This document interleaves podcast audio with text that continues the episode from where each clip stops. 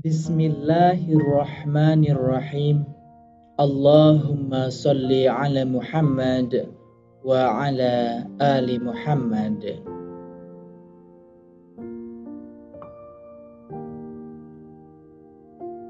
Hirudoterapi sebuah wasilah penyembuhan dari majalah mata air. Kolom Kesehatan oleh Profesor Dr. Mehmet Ramazanoglu.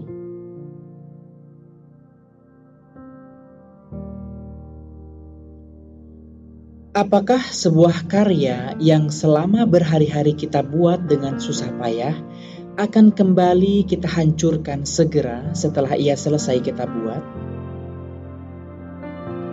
Apakah tunas yang kita rawat dengan penuh perhatian hendak kita abaikan tepat sesaat sebelum ia berbuah? Seorang manusia yang berakal sehat pasti akan menjawab tidak ketika dua pertanyaan sederhana ini dilontarkan kepadanya.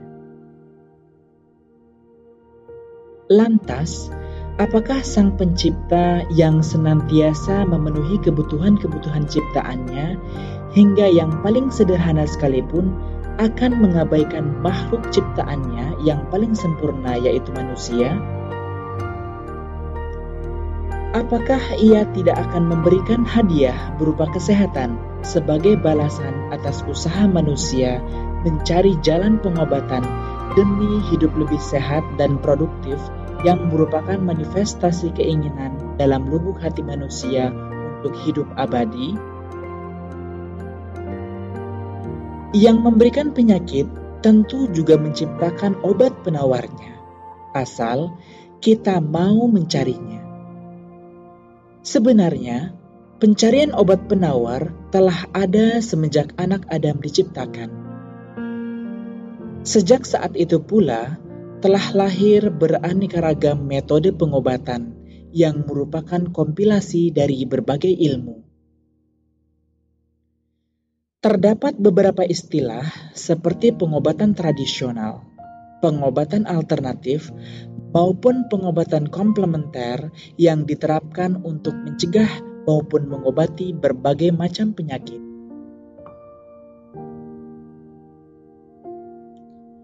Akupunktur, hipnotis, terapi bekam, terapi larva, refleksologi, terapi ozon, fitoterapi, dan hirudoterapi atau pengobatan dengan lintah termasuk dalam kategori pengobatan tersebut. Hirudoterapi telah diketahui sejak zaman kuno yaitu zaman sebelum Masehi.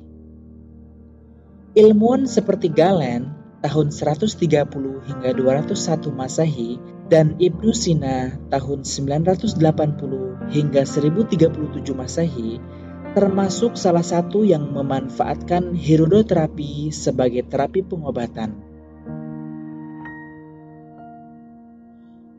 Pada masa kini, terapi lintah telah digunakan secara luas di negara-negara seperti Amerika, Kanada, Jerman, Perancis, dan Belanda. Di Eropa sendiri terdapat lebih dari 100 juta orang yang memanfaatkan terapi lintah dalam setahunnya. Hirudinea merupakan subkelas dari filum Annelida atau cacing bersegmen yang dari 700 spesies pada 10 genusnya. Tidak semua lintah memiliki kemampuan yang dapat digunakan untuk terapi pengobatan. Spesies seperti Hirudo verbana, Hirudo medicinalis, Hirudo orientalis, dan Hirudo suluki adalah beberapa spesies yang dapat digunakan dalam pengobatan dan terapinya disebut dengan nama terapi lintah. Spesies yang sering digunakan dalam terapi lintah di negara Turki adalah Hirodo verbana, sementara di Indonesia adalah Hirodo medicinalis. Pada masyarakat pedesaan yang bermukim di hutan, beberapa lintah dapat menyebabkan penyakit hirudiniasis berupa peradangan kulit, masalah pencernaan, dan pendarahan tak henti. Hirodoterapi bukanlah prosedur yang bisa dilakukan secara sembarangan. Lintah yang ditempelkan pada titik-titik akupunktur selama 10-20 menit dapat mengisap 20 hingga 60 cc darah. Proses terapi tidak terletak pada darah yang diisap lintah, melainkan pada sekresi beberapa zat oleh lintah ketika mengisap darah pasien. Jenis-jenis lintah seperti Hirodo medicinalis dan Hirodo verbana membantu terapi pemulihan penyakit pada otot dan persendian, serta penyakit lain seperti varises, bedah rekonstruksi, pemulihan luka, migrain, fibromialgia, retinopati, osteoartritis, dan selulit.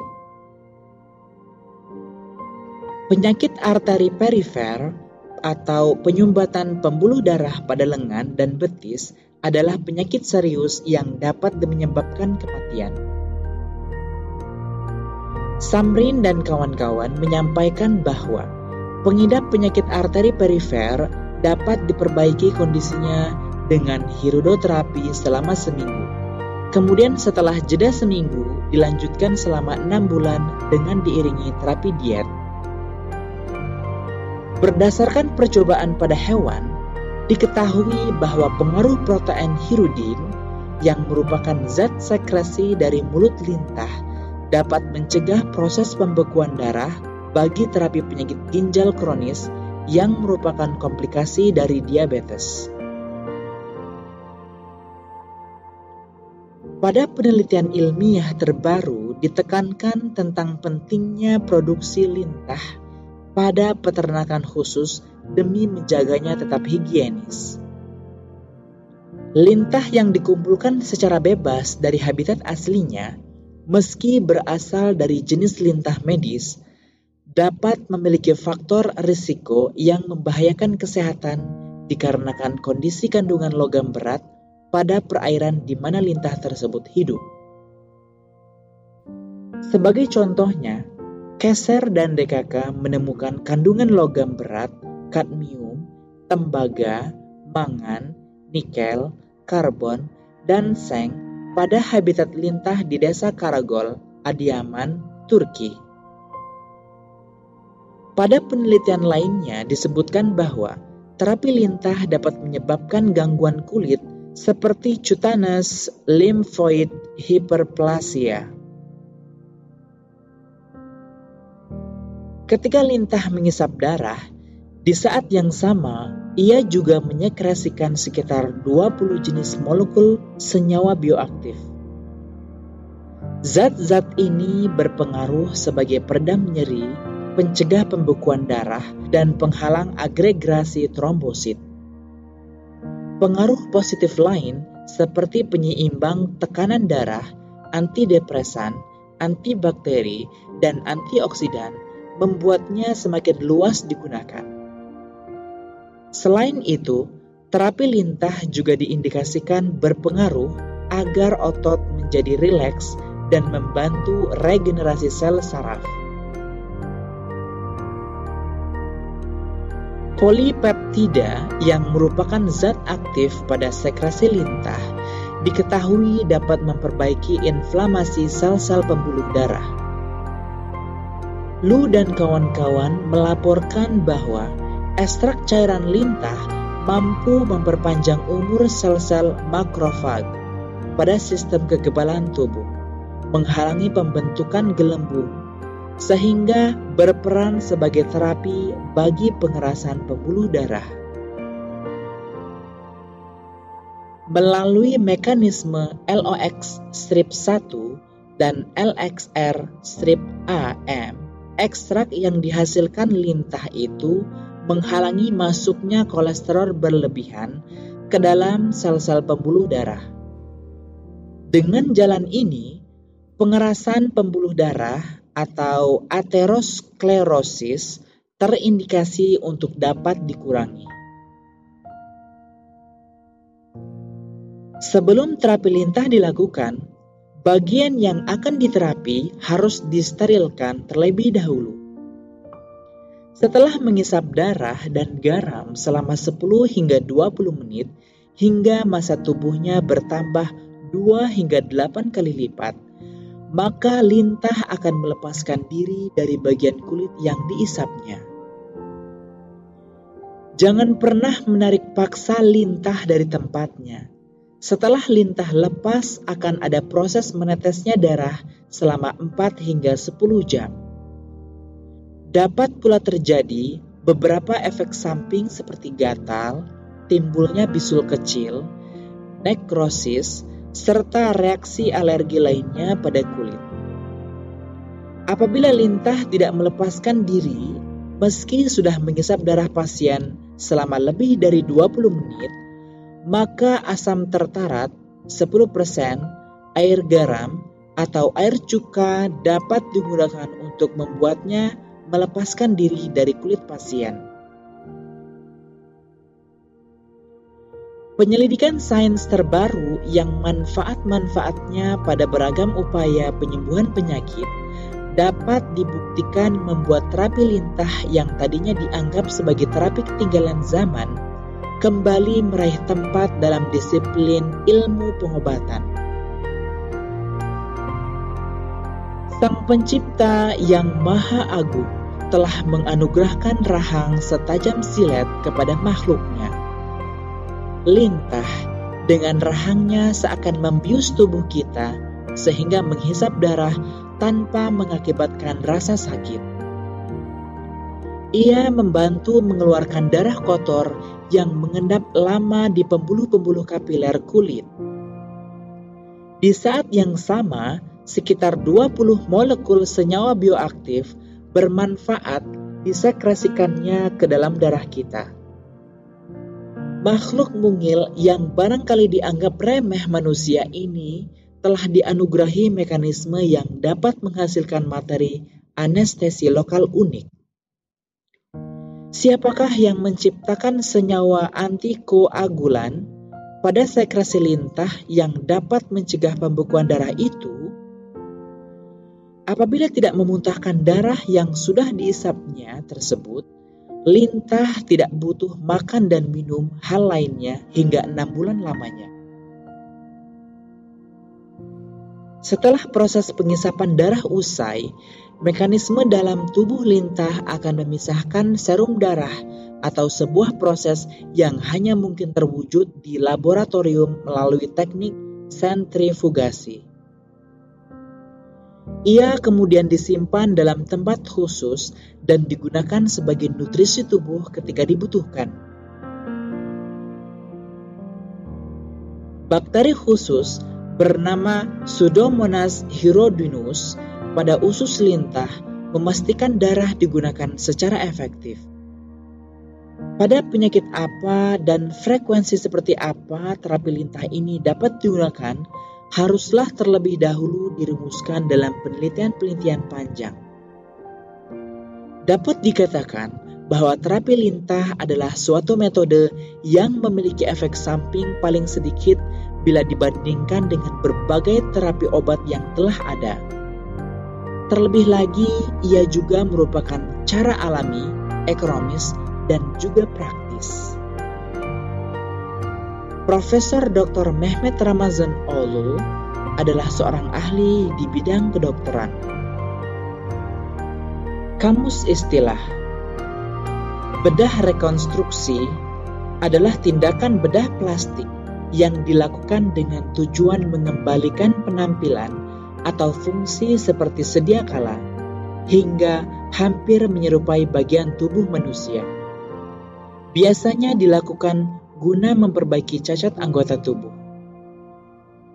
Fibromialgia adalah penyakit yang ditandai rasa nyeri di sekujur tubuh disertai lelah dan gangguan tidur. Retinopati adalah kerusakan mata khususnya retina yang mengganggu penglihatan hingga menyebabkan kebutaan, terjadi akibat kelainan pembuluh darah atau aliran darah. Osteoartritis adalah peradangan kronis pada sendi akibat kerusakan pada tulang rawan. Ini adalah jenis peradangan sendi paling sering terjadi yang menyebabkan sendi-sendi terasa sakit, kaku, dan bengkak. Selulit adalah timbunan lemak di bawah kulit. Gejala utamanya adalah munculnya benjolan daging yang berkerut di paha, pinggul, pantat, dan perut. Penyakit arteri perifer adalah sebuah kondisi ketika aliran darah ke tungkai tersumbat akibat penyempitan pembuluh darah yang berasal dari jantung atau arteri. Dampaknya, tungkai yang kekurangan pasokan darah akan terasa sakit, terutama saat dipakai untuk berjalan. Hirudin adalah zat yang menekan mekanisme pembekuan darah. Pasien diabetes biasanya memiliki darah kental, sehingga beresiko lebih tinggi untuk mengalami pembekuan darah. Darah membeku atau menggumpal yang mengalir ke seluruh tubuh dapat menimbulkan ancaman serius bahkan kematian. Hirudin juga memiliki efek pengenceran darah, sehingga memungkinkan darah bersirkulasi lebih mudah, menghilangkan tekanan pada jantung dan pembuluh darah. Cutaneous lymphoid hyperplasia adalah pembengkakan kelenjar limfoid pada kulit. Agregasi trombosit atau agregasi platelet menunjukkan tingkat kemampuan darah untuk menggumpal. Apakah ia kurang, normal, atau justru berlebih? Jika kita memiliki agregasi trombosit yang berlebih atau hyper, berarti darah kita akan cepat menggumpal dan beresiko mendapat serangan stroke, bahkan jantung. Hal ini dikarenakan adanya kerusakan di bagian dalam saluran darah di mana saluran ini tersumbat oleh kumpulan platelet atau trombosit. Antidepresi adalah obat-obat yang mampu memperbaiki suasana jiwa dengan menghilangkan atau meringankan gejala keadaan murung yang tidak disebabkan oleh kesulitan sosial ekonomi, obat-obatan, atau penyakit. Makrofag adalah sel fagosit yang mampu membunuh kuman melalui mekanisme proses oksidatif dan non-oksidatif. Makrofag diproduksi di dalam sumsum -sum tulang belakang dari sel induk meloid yang mengalami proliferasi dan dilepaskan ke dalam darah. Fagositosis sendiri secara harfiah berarti sel makan. Ia merupakan proses atau cara untuk memakan bakteri atau benda asing yang dilakukan setelah benda asing itu melekat pada permukaan makrofag.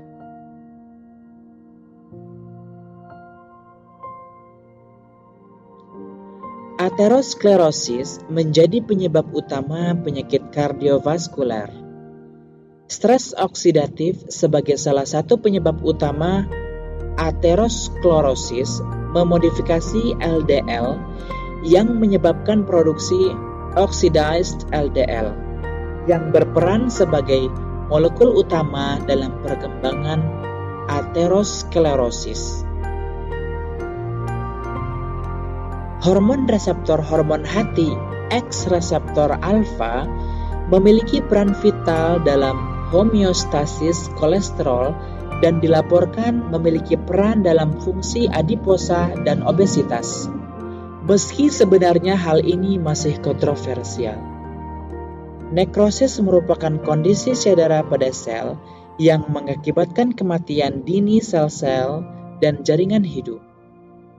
Nekrosis disebabkan oleh faktor-faktor eksternal seperti infeksi, racun, atau trauma yang menyebabkan pencernaan komponen-komponen sel menjadi tidak teratur.